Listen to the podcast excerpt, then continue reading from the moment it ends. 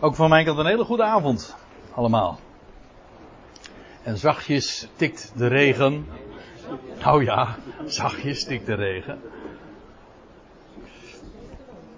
Het was uh, de hele dag dat ze al uh, van die voorspellingen deden op de radio van dat het uh, dramatisch zou worden vanavond. En ook op de wegen. Dus ik hield mijn hart al vast.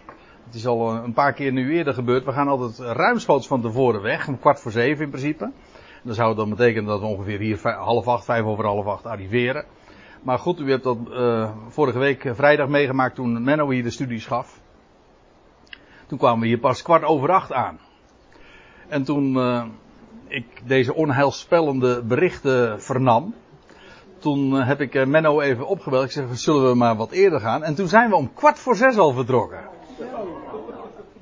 Ik dacht, nou dan kunnen we toch niet te laat aankomen. En het ging allemaal zeer voorspoedig. We waren hier vijf voor zeven. En toen was de aken nog niet open, dus toen zijn we nog even gezellig een kopje koffie hier in de buurt wezen drinken. En we hebben ons prima vermaakt. Dus er is niks misgegaan. En we hebben ook ons warm eten op, dus mocht u zich daar zorgen over maken. Over mijn omvang en zo, dat u zegt, je wordt zo mager. Nee. Wij gaan ons weer bezighouden met, zoals Wolter zojuist aangaf, met de tweede bergreden. En dat is de vierde keer dat we dat gaan doen. Dat die reden die de Heer heeft gehouden op de Olijfberg. Vandaar dus een bergreden. Um, daar zijn dus al een aantal avonden aan vooraf gegaan. En die avonden gingen allemaal eigenlijk over de vraag want dat is de vraag die in Matthäus 24 beantwoord wordt. Over de vraag, wat is het teken van zijn, dat wil zeggen van Christus parousia. Als hij zal arriveren, als hij present zal zijn in deze wereld. Nu is hij absent, als hij present zal worden.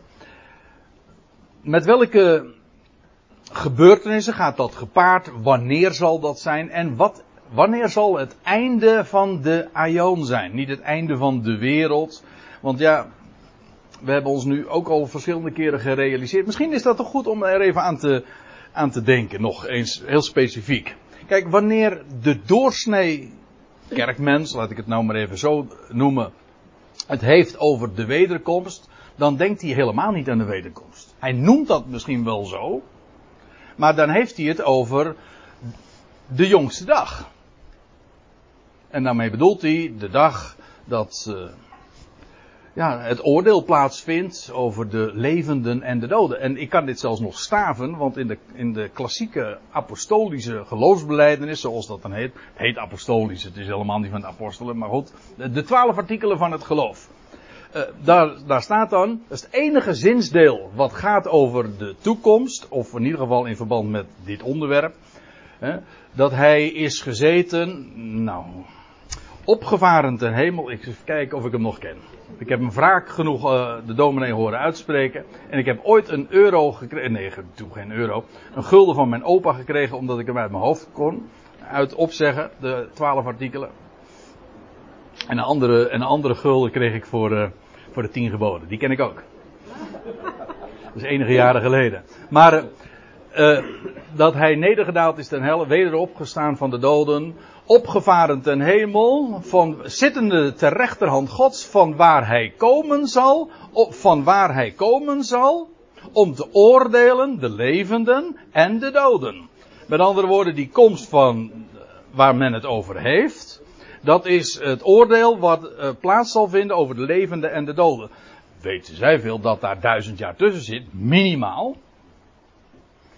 Dus men gebruikt de jongste dag, het einde van de wereld, zoals de, de vertalingen trouwens van Matthäus 24 ook uh, luiden, de, de, gangbare vertalingen. Wat is het einde van de wereld? Nee, dat staat er niet. Het is, wat is het einde van deze aion? Van dit wereldtijdperk. En men denkt dan aan, aan, de, aan de jongste dag, aan de, aan de grote witte troon, voor zover men daar al over spreekt.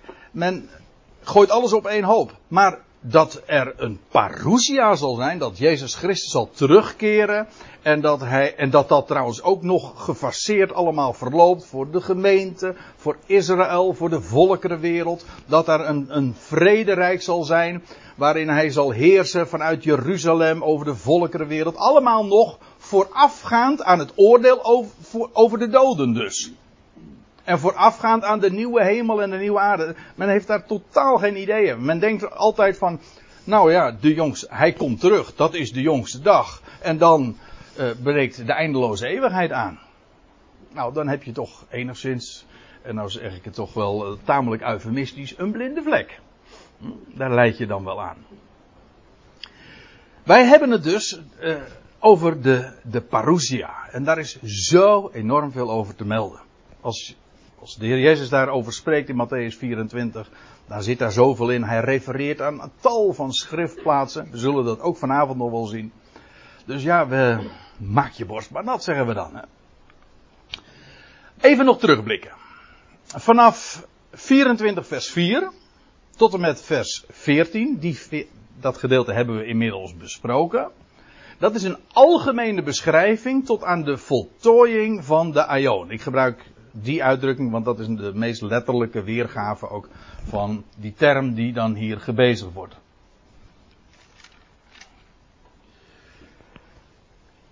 En wat we daarbij gezien hebben, is, nou laat ik het eens op een rijtje zetten. In vers 4. Dat is het eerste wat de Heer trouwens ook zegt als de discipelen naar hem toekomen en vragen over, ja, wanneer zal dat dan zijn? En dan begint hij met deze waarschuwing, zie toe dat niemand je misleiden vers 6 spreekt hij over oorlogen en geruchten van oorlogen. Vers 7 over hongersnoden. Vers 7, uh, dat hangt een klein beetje vanaf uh, welke weergave je dan hebt, maar daar is dan sprake van pestilentiën of pestziekten. Was er nog een term? Oh. Uh, pestziekte dus, pestilentiën. In vers 9 over gehaat worden om mijns naams wil. En in vers 14 staat dan het evangelie van het koninkrijk zal gepredikt worden over de hele bewoonde wereld. En dan zal het einde gekomen zijn. En daarmee is de Heer dan weer teruggekomen of aangekomen bij, eh, de, bij het antwoord of nee, bij de terminologie van de vraag. Wat is het teken van uw parousia en van de voleinding of de voltooiing van de aion? Nou, dat is, dus in vers 14 is die daar gekomen. Als dan het evangelie over, het hele, over de hele bewoonde wereld is gepredikt, dan zal het einde zijn gekomen.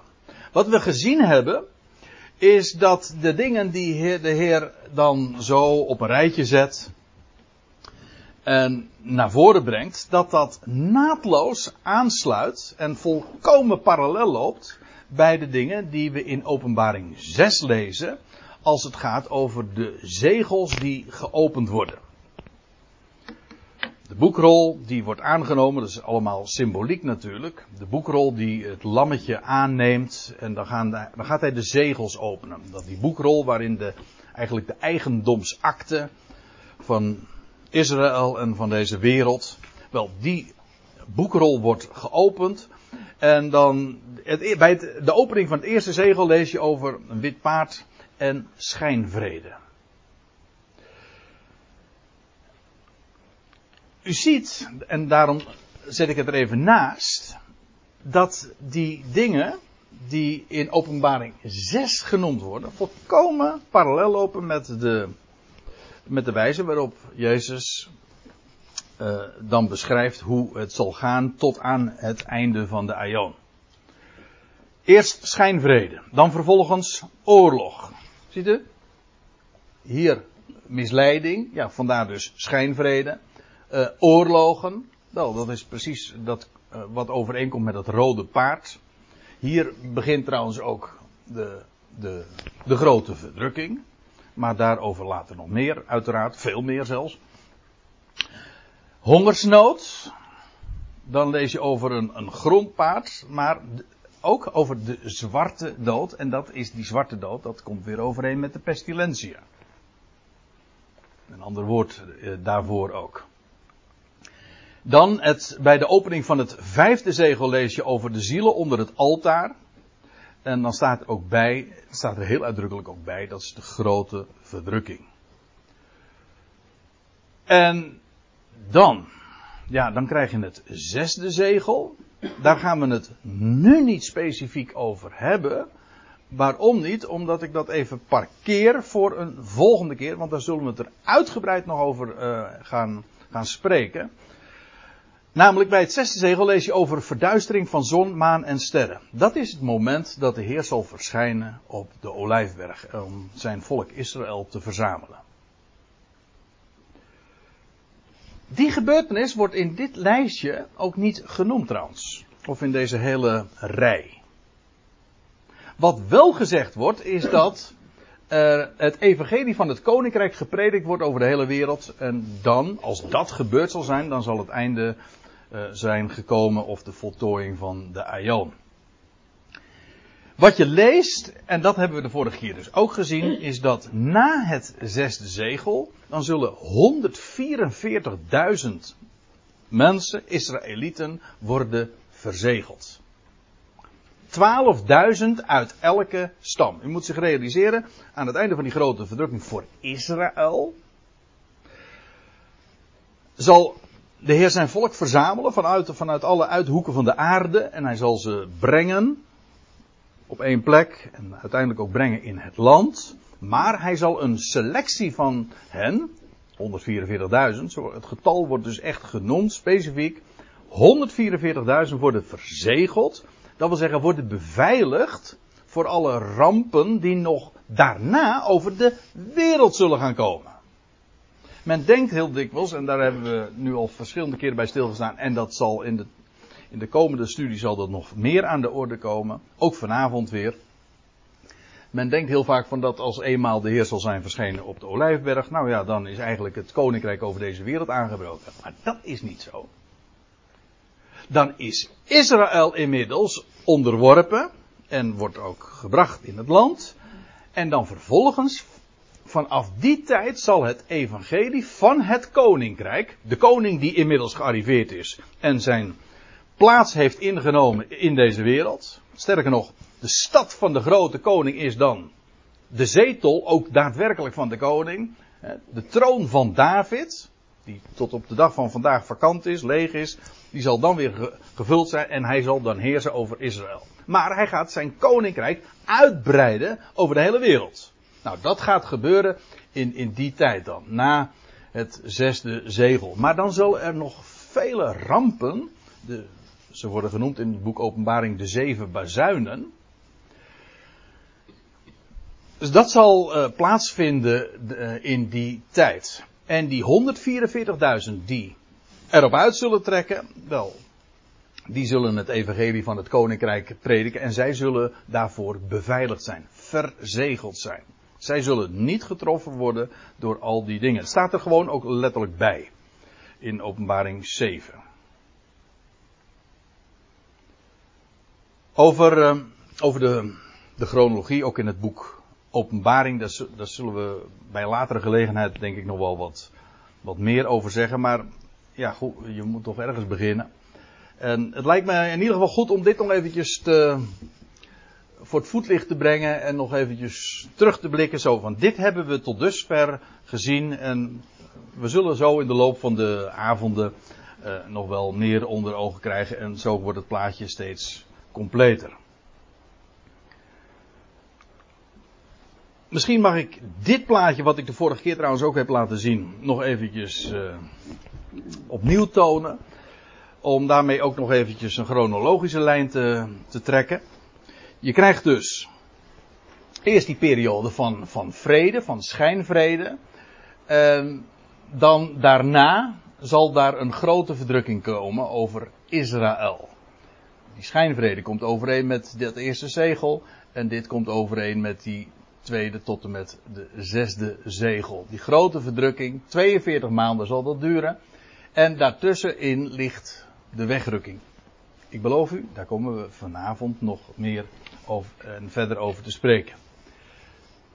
Aan het einde van die 42 maanden zal, dat is het einde van de grote verdrukking over Israël. Dan zal de Heer verschijnen op de Olijfberg, zijn volk verzamelen.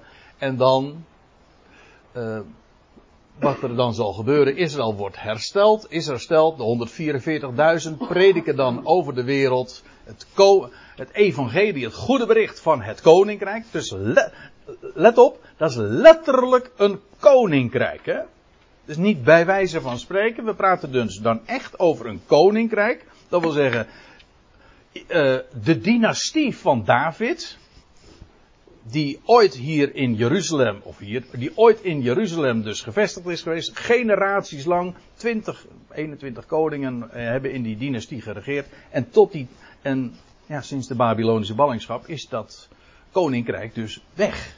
Maar dat koninkrijk, en, dat, en die hut van David, die nu nog steeds vervallen is, die gaat hersteld worden. Wel, dat zal dan zijn in die tijd. En een letterlijk koninkrijk zal dan aangekondigd worden, dan ook wereldwijd.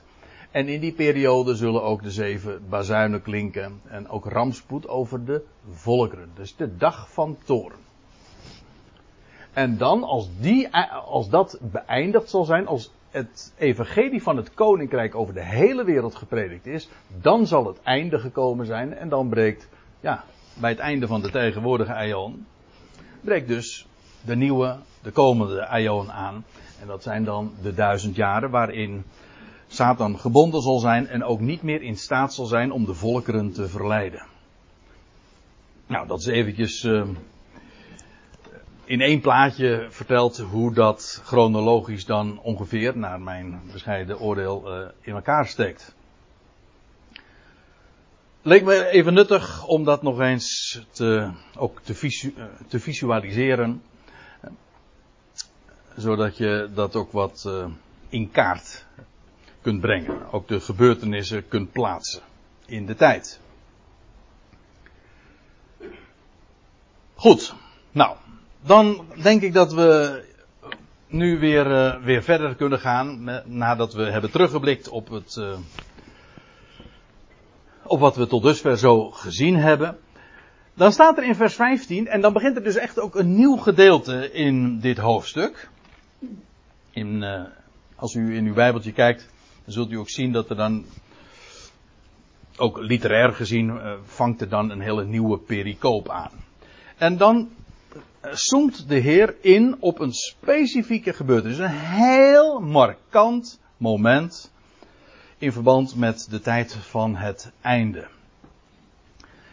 Nou, laten we daar eens een keertje nader kennis van nemen. Dan zegt hij dit. Wanneer jullie dan zullen waarnemen de gruwel van de verwoesting. Gruwel van de verwoesting. Ja, dan zegt hij, waarvan wordt gesproken door Daniel de profeet, staande in de heilige plaats. Wie leest, laat hem verstaan. Maar eerst even dit. Die gruwel. Wat is een gruwel? Ja, jij geeft meteen het goede antwoord. In Zo van, ik wilde eigenlijk eerst. Uh, nou, het gaat niet om, om, om, eh, goed of fout. Maar bij gruwel, in de, uh, het Griekse woord heeft de betekenis die wij er ook aan geven. En als ik me niet vergis, is het ook een, eh, kan het ook gebruikt worden als een werkwoord. Zit ik met een schuin oog even te kijken naar Menno, maar goed. Um, in elk geval, uh, wij kunnen het wel als werkwoord ook gebruiken. Ik gruwel ergens van. Hè, wij gruwelen. En dat is iets gruwelijks, uh, vreselijks.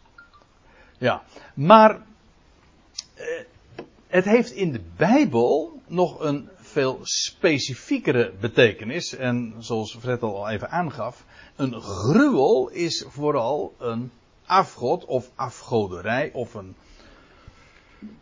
een, eh, de dienst aan een vreemde god of een vreemde altaar. Het is zelfs een heel bekende term. We komen hem vaak tegen. Maar ik zal u eens meenemen dan naar 1 Koningen 11.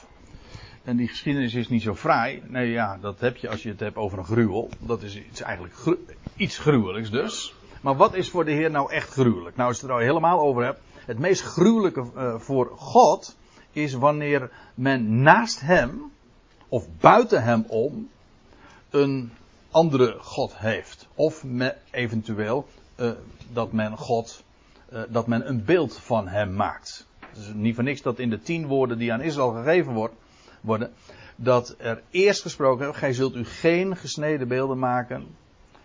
Uh, nee, het begint met, gij zult u geen vreemde... nou, hebben we het weer over die tien geboden, hè. Dan moet ik weer even teruggaan in mijn herinnering. Hoe was het ook alweer? Gij zult u geen. Ja, dat is tweede. Gij zult u geen andere goden hebben voor mijn aangezicht. Want ik, de Heer, ben uw God, een naijverig God. Ja. Goh. Uh, zoiets, hè? Dat is Maar in ieder geval een vreemde God. Nou lees je, dat is voor God gruwelijk. En de gruwel, die, die uitdrukking wordt eh, in deze passage ook eh, gebezigd diverse keren. Ik wil het u laten zien. Van Salomo aan het einde van zijn leven, die ging helemaal het verkeerde pad op. Had hij maar niet zoveel vrouwen moeten nemen natuurlijk. Want zo ging het. Je leest dat een paar keer dat er gezegd wordt dat hij helemaal de fout inging omdat zijn vrouwen hem uh, verleiden tot de goden ja, van, uh, uit de, de, landen waar zij vandaan kwamen. Zo liep Salomo, staat er dan, Astarte, de godin van de Sidoniërs, achterna. En Milkom, de gruwel van de Ammonieten. Nou, dan weet je al meteen van, oh, dat is dus iets van afgoderij. Van een afgod. De godin van de Sidoniërs en Milkom, de gruwel van de Ammonieten. En Salomo deed wat, deed wat kwaad is in de ogen van Yahweh. En hij volgde Yahweh niet ten volle, zoals zijn vader David. Dat wil zeggen, niet tot aan het einde. Hij, hij diende God. Het ging een lange tijd erg goed. En dat weten we allemaal. En daarom is hij trouwens ook een schitterend type van de Heer Jezus Christus. In een ander opzicht. De zoon van David. Maar aan het einde van zijn leven uh, ging het dus uh, helemaal mis met deze man. En dan lees je nog verder. Toen de tijd bouwde Salomo een hoogte voor Chemos, de gruwel van Moab, op de berg ten oosten van Jeruzalem, ook nog eens een keer. Uitgerekend dus de plaats waar God gediend zou worden, daar maakt hij een, een hoogte, bouwt hij een hoogte, uh, de gruwel van Moab, Chemos. Op de berg ten oosten van Jeruzalem en voor Moloch, de, Moloch, de gruwel van de Ammonieten. Ze hadden zo een, allemaal hun eigen gruwelen. Hm? Ja. ja, daar komt het op neer. Ze hadden allemaal hun eigen gruwelen. En en uh, het feit dat er gesproken wordt over de gruwel van de Ammonieten, betekent dat ze een heel specifiek, de Ammonieten, één specifieke gruwel hadden. En, uh, en Salomo heeft ze zo allemaal bij elkaar gebracht. Of in ieder geval heeft ze allemaal zo gediend. De gruwelen. Nou, dan weet je inderdaad wat er bedoeld wordt met een gruwel. En wanneer, eh, nou zegt de Heer, wanneer jullie dan zullen vernemen de gruwel van de verwoesting. Dus die gruwel, die afgoderij, heeft te maken met, met uh, verwoesting, of brengt verwoesting met zich mee. Maar dat zullen we vanzelf nog wel zien. Uh, eerst even dit. Waarvan gesproken wordt door Daniel de profeet dat is op zich al uh, iets om even bij stil te staan, dat de Heer hem zo noemt. Daniel, de profeet. Waarom is dat zo opmerkelijk? Want de Hebreeuwse Bijbel, dat noemen ze ook wel de, de Tenach. Maar Tenach, dat is eigenlijk dat is een samentrekking van Torah, Nebiim en Ketubim. Dat wil zeggen de wet, de profeten en de geschriften. En in de Hebreeuwse Bijbel, in de Tenach, is Daniel, hoort niet bij de profeten, niet bij de Nebi'im, maar bij de Ketubim. Dus de boeken, de historische boeken hè, van Samuel, Koning en Kronieken. Bij ons, in de, onze Bijbel, maakt Daniel deel uit van de profeten. In de Hebreeuwse Bijbel niet. De Hebreeuwse Bijbel maakt hij deel uit van de geschriften, de historische boeken. Maar trouwens, dat is, dat is geen kritiek trouwens. Want die tenach, die indeling, die is ook wel degelijk ook goddelijk geïnspireerd. En Daniel is ook een historisch boek. Daniel beschrijft ook wie, ja, over hoe dat gegaan is bij de ballingschap. En nou ja, we hebben daar in de studieserie over de chronologie hebben we daar ook um, behoorlijke tijd toch ook al aan gespandeerd. Hoe dat gegaan is. Daniel, die gedeporteerd werd en, en zo terecht kwam in, in, in Babel. Allemaal historisch. We hebben Nebuchadnezzar en onder uh, het nieuwe wereldrijk van Kores een, een prominente positie innam. Allemaal historisch. Maar, zegt Jezus hier, waarvan gesproken wordt door Daniel de profeet. Dus Daniel is maar niet alleen een historisch iemand, maar hij is een profeet en dat is. Uh, ja, Israël heeft zich daar nooit zo mee bezig gehouden. Kennelijk ook. Wat trouwens uh, ook uh, goede redenen heeft. De slotverrekening was de, waren de woorden van de profetie. die hij heeft opgetekend, verzegeld. Ja, ontoegankelijk. Maar, hier zegt de Heer al, wanneer jullie dan de, zullen vernemen, of zullen waarnemen, de gruwel van de verwoesting, waarvan wordt gesproken door Daniel de profeet. Aha, wat de Heer feitelijk hier dus doet, hij geeft antwoord op een vraag van de discipelen. Hij is daar gezeten op de Olijfberg, met een uitzicht op Jeruzalem, op de tempel en al de gebouwen. Maar hij doet tegelijkertijd ook bijbelstudie. Hij refereert aan passages, in dit geval uit het boek Daniel. En waarvan wordt gesproken door Daniel de profeet? Ja, nu ga ik iets eh, zeggen wat inmiddels in deze kring niet meer zo omstreden is. Uh, hoop ik tenminste.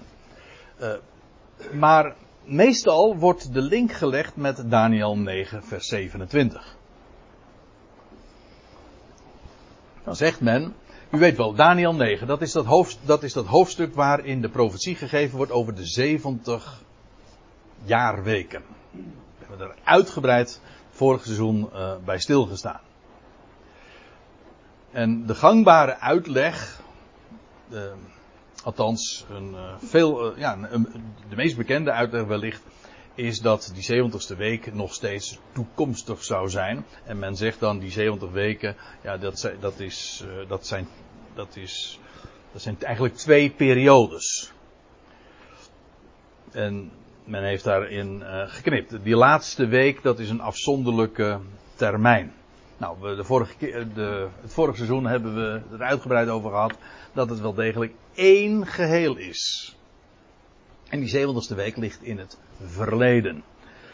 En die week, die, die zevental jaren vingen aan bij het moment dat de Heer uh, gezalfd werd, dat wil zeggen gedoopt werd in de Jordaan en de Heilige Geest ontving. En in de helft van die week, dat wil zeggen na drieënhalf jaar, is hij, uh, dan lees je ook, dat wordt dan geprofiteerd in Daniel 9, uh, in de helft van die week wordt slachtoffer en spijsoffer gestaakt. Dat is het moment dat de Heer stierf. Het gordijn van de tempel scheurde. En dat was trouwens ook het derde uur, net op het moment dat, de, dat de, de, het avondoffer ook gebracht werd. Wel, toen, op dat moment, werd die dienst, alleen al om die reden, gestaakt. Vervolgens weer opgepakt, maar toen werd ze gestaakt. Dat als hier gesproken wordt over de gruwel van de verwoesting, dan doelt de Heer helemaal niet op Daniel 9. Trouwens, in Daniel 9 wordt helemaal niet over de gruwel van de verwoesting gesproken. Er wordt over, over uh, gezegd dat in de helft van de week de slachtoffer en spijsoffer gestaakt wordt. Nou, laat ik dan meteen maar het goed zeggen. Uh, het gaat, de Heer verwijst naar, niet naar Daniel 9, maar naar Daniel 12. Vers 11. Laten we daar eens in naartoe gaan. En daar, daar staat dit geschreven. Dus het slot van het boek Daniel. En dan, zegt, dan staat er dit. En van de tijd af dat het dagelijks offer wordt gestaakt. Aha, daar hadden we het zojuist ook even over. Maar let op. Niet alleen maar dagelijks offer wordt gestaakt. En een gruwel wordt opgericht. Hier heb je hem weer. Dus in plaats van dat uh, de, de offerdienst uh, die tot dusver plaatsvond, dat in plaats van die offerdienst wordt er een afgod, of een afgodsbeeld, opgericht. Een gruwel wordt opgericht. Dus op een of andere een altaar wordt neergezet, of een beeld wordt opgericht. Maar dat is in ieder geval gruwelijk, afgodisch. Nou, dan staat er, en vanaf de tijd dat het dagelijks offer wordt gestaakt en een gruwel wordt opgericht, die verwoesting brengt, let op. Kan niet missen. Als de Heer Jezus verwijst in Daniel, eh, in Matthäus 24 naar, naar Daniel, de profeet, dan verwijst hij naar deze passage. Naar dit, eh, naar dit vers. En dan wordt het ook duidelijk. Ehm, in, in een chronologisch kader gezet. Dat wil zeggen, wordt heel uitdrukkelijk daarbij vermeld wanneer dat zal zijn. Want er staat erbij, vanaf die tijd dat dat gebeurt, zullen, het zijn, zullen er nog volgen 1290 dagen. Oftewel 1290 dus.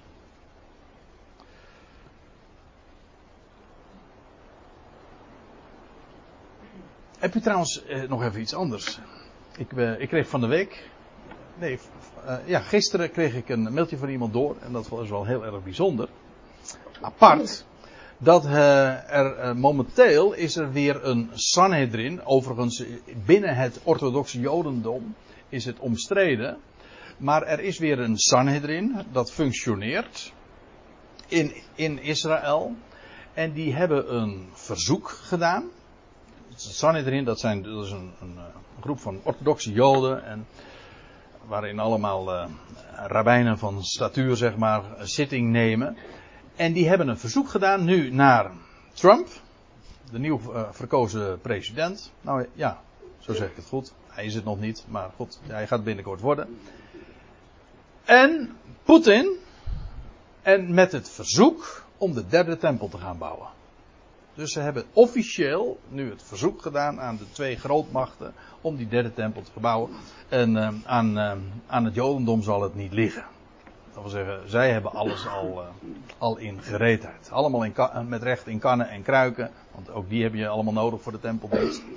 En de bouwwerken, we hebben het er wel vaker over gehad. Maar ik vond het heel bijzonder dat juist nu, bij eh, de verkiezing weer van de nieuwe Amerikaanse president, dat ook officieel dat verzoek vanuit het Jodendom is gekomen richting de wereldleiders om mee te helpen aan, aan de herbouw van de derde, van de tempel. En dat zal dus de derde zijn, de derde tempel. En die gaat er weer komen. Eén ding is zo klaar als een klontje. En dat is dat in Jeruzalem, op het tempelplein, hoe precies, dat is trouwens nog een verhaal apart. Want of dat nou precies op de locatie is die nu wordt aangewezen of een paar honderd meter uh, daarnaast. Daar moeten we het bij een andere gelegenheid nog maar eens over hebben. Dat is, zou veel te ver voeren om, om daar nog eens over te hebben.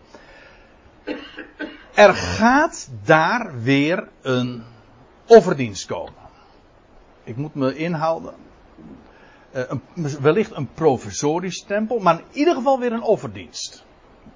hoe weet ik dat zo zeker? Wel, de Bijbel zegt dat die offerdienst gestaakt zal worden. En iets kan je alleen maar staken wanneer eerst die offerdienst er zal, weer zal zijn. Er zal dus daar weer op het tempelplein, en wij gaan dat meemaken. Als u het mij vraagt, uh, vraagt het mij niet, daarom zeg ik het maar. Ik geloof dat wij dat nog uh, gewoon gaan meemaken. Als we tijd van leven hebben natuurlijk. Maar dat daar in Jeruzalem dus die, uh, die dienst weer hersteld gaat worden. Dat daar weer een altaar opgericht gaat worden. En wellicht men ook weer een aanzet zal geven om, die, om de hele tempel neer te zetten. En of dat ten koste zal gaan van die islamitische heiligdommen die er nu staan. Of dat het er gewoon naast is. Nogmaals, uh, ik uh, hou dat allemaal eventjes. Uh, dat, dat, laten wij allemaal in het midden. Doet nu eigenlijk ook voor het verhaal niet zo ter zake. Het gaat er maar om. Er zal weer een Joodse offerdienst zijn op het tempelplein. En het dagelijks offer wordt daar gebracht. En staat er dat dagelijks offer zal worden gestaakt. Hardhandig. Dus de Joodse eredienst wordt op, zal ineens ophouden. En in plaats daarvan komt een gruwel. Een afgodsbeeld. We hebben trouwens in het verleden. Ja, nou ja, als je het geschiedkundig bekijkt. We hebben daar al, uh, al, al zoiets ooit ook beleefd. En dat wordt trouwens ook beschreven in het boek Daniel, in Daniel 8. In de dagen van Antiochus Epiphanes. Dat, was een, dat is ongeveer 168, ik geloof als ik me niet vergis, in 168 voor Christus. Was dat een, eh, een, eh, een bewindvoerder die toen op het tempelplein ook inderdaad de offerdienst staakte en in plaats daarvan ook een gruwel oprichtte. En uh, echt afschuwelijk voor Joden, want dat men zelfs uh, varkens ging slachten en uh, varkensbloed moest drinken, als ik me niet vergis. Ik weet niet, maar het was in ieder geval een gruwelijke zaak. Dus de, dat wat er in de toekomst gaat gebeuren, heeft zich al eens een keer in een andere vorm in het verleden ook al voorgedaan. Maar dit is dus inderdaad toekomstig. En vanaf dat ogenblik, wel, dan gaan, gaan ze tellen. Dus echt, kunnen ze gewoon gaan tellen van 1290 dagen zullen dan volgen en ook nog, ja, ik had er nog een plaatje van. Er wordt dus een gruwel opgericht en dan krijg je eerst een periode van 1260 dagen. En dan volgt er nog een periode, nog een maand. En dan volgt er trouwens nog 45 dagen. Ook dat wordt genoemd in Daniel 12. Dan krijg je een 13, 1335, ja. Maar goed, dat, uh, daar, daar, gaat het nu even niet om. Het gaat er nu vooral om dat er hier zal voorafgaand aan die gruwel van de verwoesting heb je dus al een offerdienst. Het dagelijks offer zal gebracht worden. Al of niet in een tempel. Wordt gestaakt. Een gruwel komt daarvoor in de plaats. En dan is het aftellen. Dan gaan ze dagen tellen. 1260 dagen. Dan nog een keer 30 dagen. En als, uh, die 1260 dagen, dit is de termijn van die grote verdrukking. En ik zal dat straks ook nog laten zien. Dat dat inderdaad zo is. Met name dit getal, 1260, vind je vaak vermeld in het boek Openbaring. Dus, wanneer jullie dan vernemen de gruwel van de verwoesting, waarvan wordt gesproken door Daniel de profeet, staande. Die gruwel wordt dus opgericht. Hij staat daar in de heilige plaats. Dus over de locatie is geen enkele twijfel mogelijk. Het is namelijk de plaats waar de offerdienst plaatsvindt. In Jeruzalem. En wel specifiek daarbij op het tempelplein. Ja, laten we dan nog eens uh, eventjes uh, wat, uh, wat doorbladeren. Weet u dat ik het soms, dat zeg ik even tussen, tussendoor en even terzijde. Het is soms wat lastig als je van het ene schriftgedeelte naar het andere schriftgedeelte dan skipt. Kijk, zulke passages hebben er direct mee te maken. Ik bedoel, als, als de Heer Jezus zegt van, uh, zoals de profeet Daniel gesproken heeft, ja, wat moet je dan doen? Nou, dan gaan we gewoon naar de profeet Daniel toe. En dan, dan lezen we het. Ja, de gruwel van de verwoesting. Maar er zijn nog veel andere passages die daar ook over spreken. Paulus spreekt daarover in 2 Thessalonica 2. Maar Johannes in het boek De Openbaring ook. Alleen weer op een wat andere wijze. Maar al die, al die passages laten ja, eenduidig een, een geluid horen en, en spreken over dezelfde dingen. En wat ik het lastige vind, is dat je, ja, dat als je nu naar 2 Thessalonica 2 gaat, dat spreekt inderdaad ook over diezelfde tijd.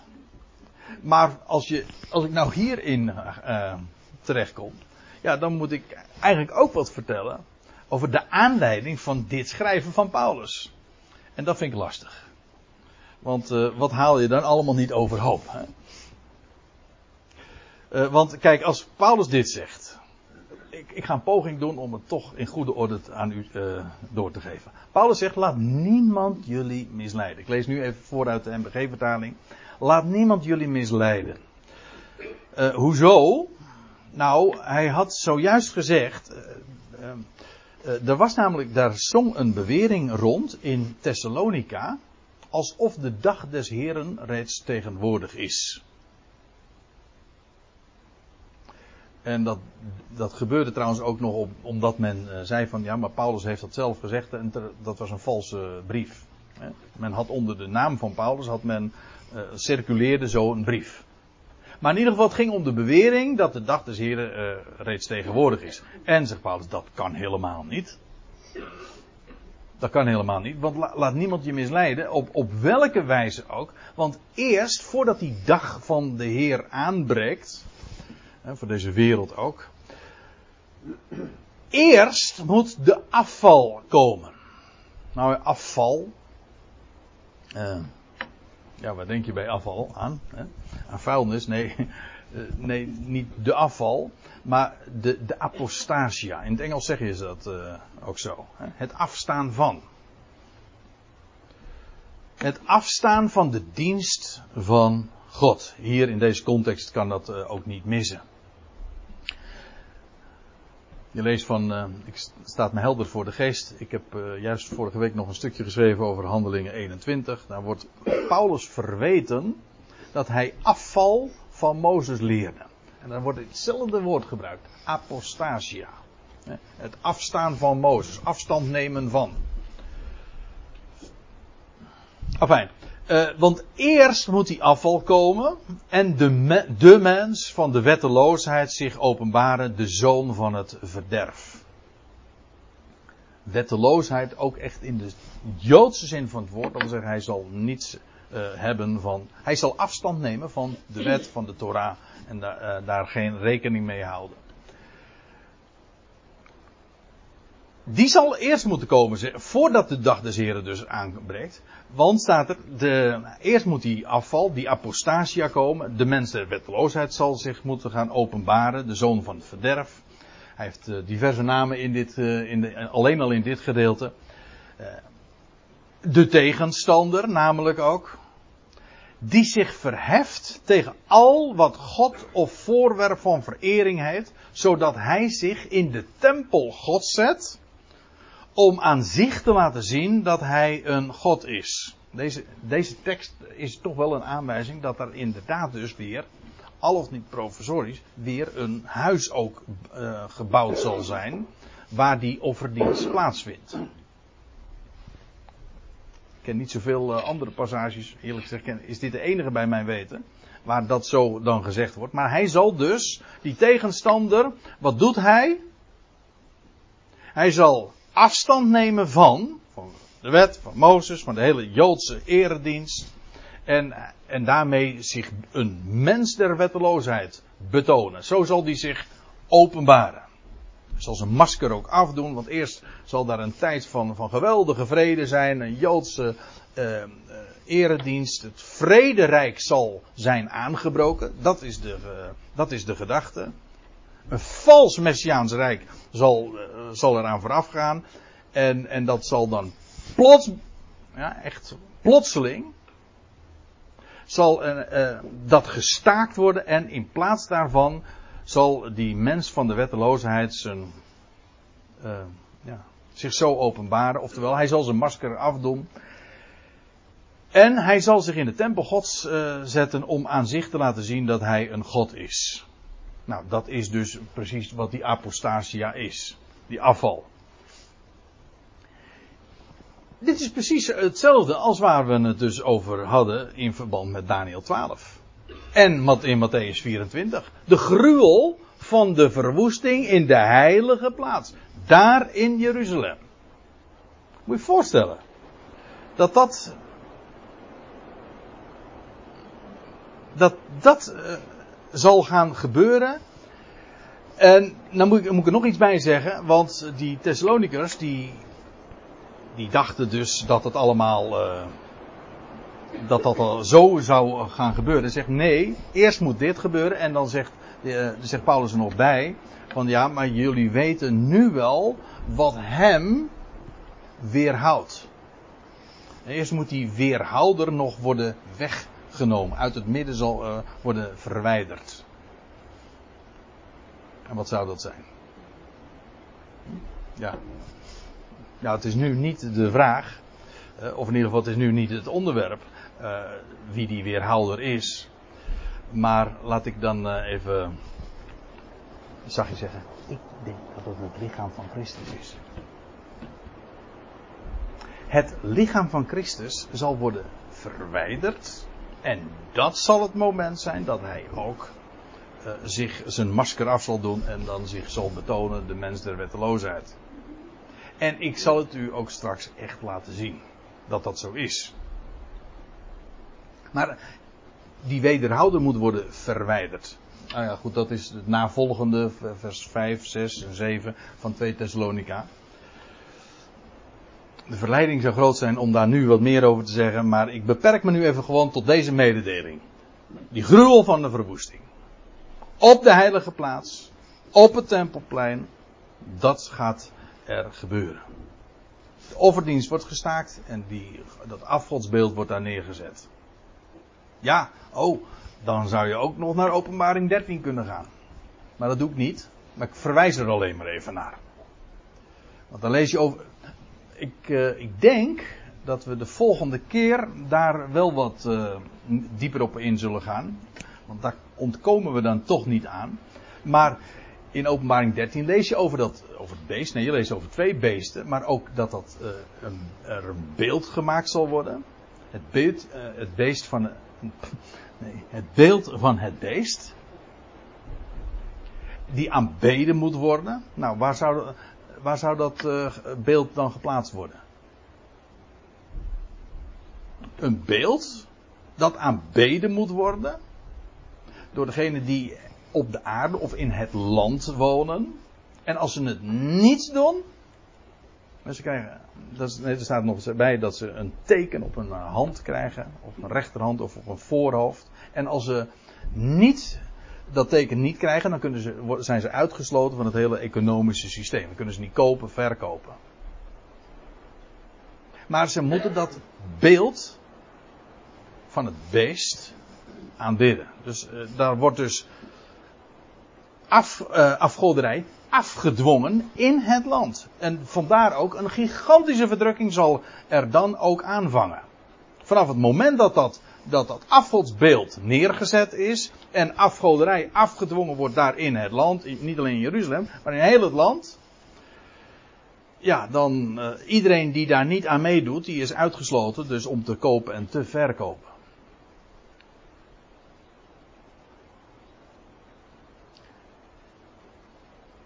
Ja. Laten we weer even teruggaan. Want we gaan nu zo uh, links en rechts wel uh, uitstapjes maken naar, naar andere passages. Maar uh, dit, is, dit is de lijn die we volgen. Wanneer jullie, ik lees nog een keer de vers, nog, nog een keer dit vers. Wanneer jullie dan zullen vernemen de gruwel van de verwoesting, waarvan wordt gesproken door Daniel, de profeet. Staande, dat wil zeggen, dat, dat gruwel staat in de heilige plaats. Wie leest, laat hem, laat hem verstaan. Wie leest, staat er in de MBG-vertaling, geven er acht op. En ook als je het leest, versta het.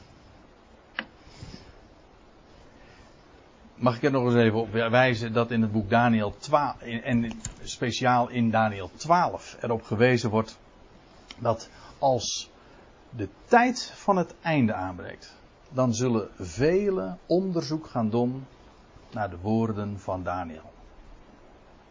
De verzeg, dan zal het, het boek werd namelijk verzegeld, staat er, tot de eindtijd. En op het moment dat dit alles gaat aanbreken, dan, zal men, dan zullen de verstandigen, de mashkilim, het gaan verstaan dan zullen ze inderdaad zich realiseren. Daniel, de profeet, heeft van deze dingen gesproken. En dan. Vandaar ook dat als de Heer zegt, laat hem verstaan. Ja, juist dat verstaan heeft alles te maken met. Met, uh, met die tijdsperiode. Ik wil toch eventjes daar naartoe gaan. Want ik, uh, ik mis het diaatje nu terwijl ik hierover spreek. Daniel 12. Uh,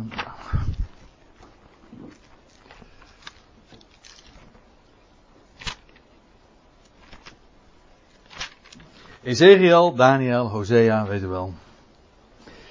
En dan, Daniel 12, dat is dat dit.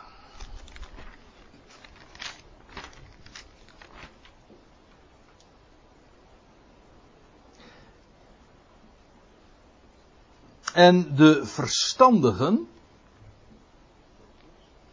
Oh, sorry, in vers 3. Dat zijn die masculim dus, hè. De verstandigen, die zullen stralen als de glans van het uitspansel. En, en, die ve en die velen tot gerechtigheid hebben gebracht als de sterren. Olam Ba'et, dat voor de eeuw en verder. Maar gij, Daniel, houd de woorden verborgen en verzegel het boek tot de eindtijd. Velen zullen onderzoek doen en de kennis zal vermeerderen. Ik uh, heb heel vaak de uitleg ook gehoord dat dit zou gaan over het feit dat we vandaag ook in een explosieve tijd uh, leven van kennisvermeerdering in het algemeen.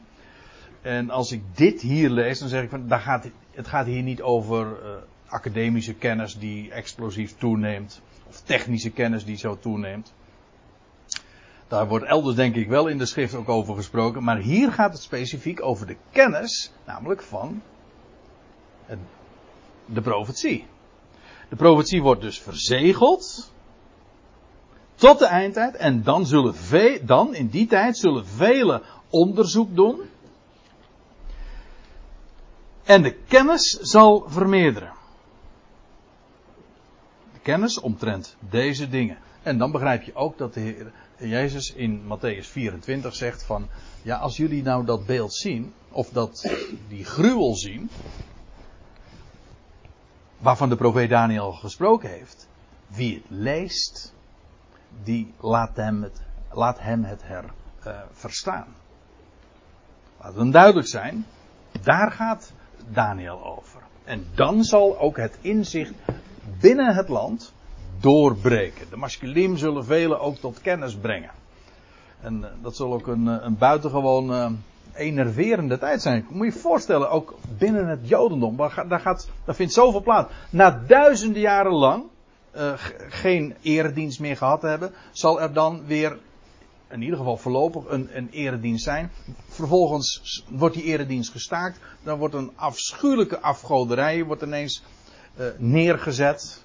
En, en gedwongen tot die, die cultus.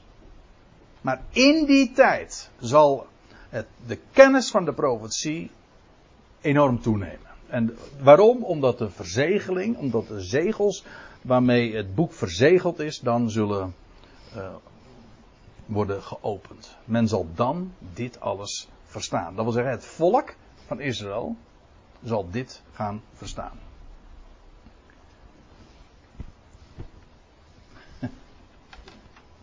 Oh, hier is die. Ik denk, wat is die nou zeg? Wie het leest, laat hem verstaan. En verstaan gaat ook altijd alleen maar door schrift met schrift te vergelijken. Dat is wat de Heer Jezus hier ook doet. Hij, zegt, hij spreekt deze dingen uit. Hij zegt, maar laat hem verstaan. Maar hoe? Hoe zou je Daniel verstaan eh, als je, als je deze woorden niet kent? Als je andere passages niet kent. Je gaat de schrift verstaan juist door de dingen bij elkaar te brengen en te leggen. En dan staat er nog bij in vers 16, daar gaan we nu naartoe. Wie op dat moment in Judea zijn, laat hen vluchten tot in de bergen. Op dat moment. Welk moment? Ja, op, moment, op het moment dat ze die gruwel zien, dat gruwel op, die, gruwel wordt opgericht op de heilige plaats, daar in Jeruzalem. Voor op dat moment, wie op dat moment in Judea zijn, in het Joodse land, Jeruzalem en omgeving, oh, realiseert u zich ook dat we hier in Matthäus 24 echt op Joodse bodem staan? Hier worden Joden aangesproken. Wie dan op dat moment in Judea zijn, laat dan hen vluchten tot in de bergen. En over die vlucht, ja, daar wordt ook elders ook over gesproken. Maar ik stel voor dat we, want ik kijk even naar de klok. Ik stel voor dat we dat even parkeren voor na de pauze. En dan gaan we nu eerst eventjes een kopje koffie drinken.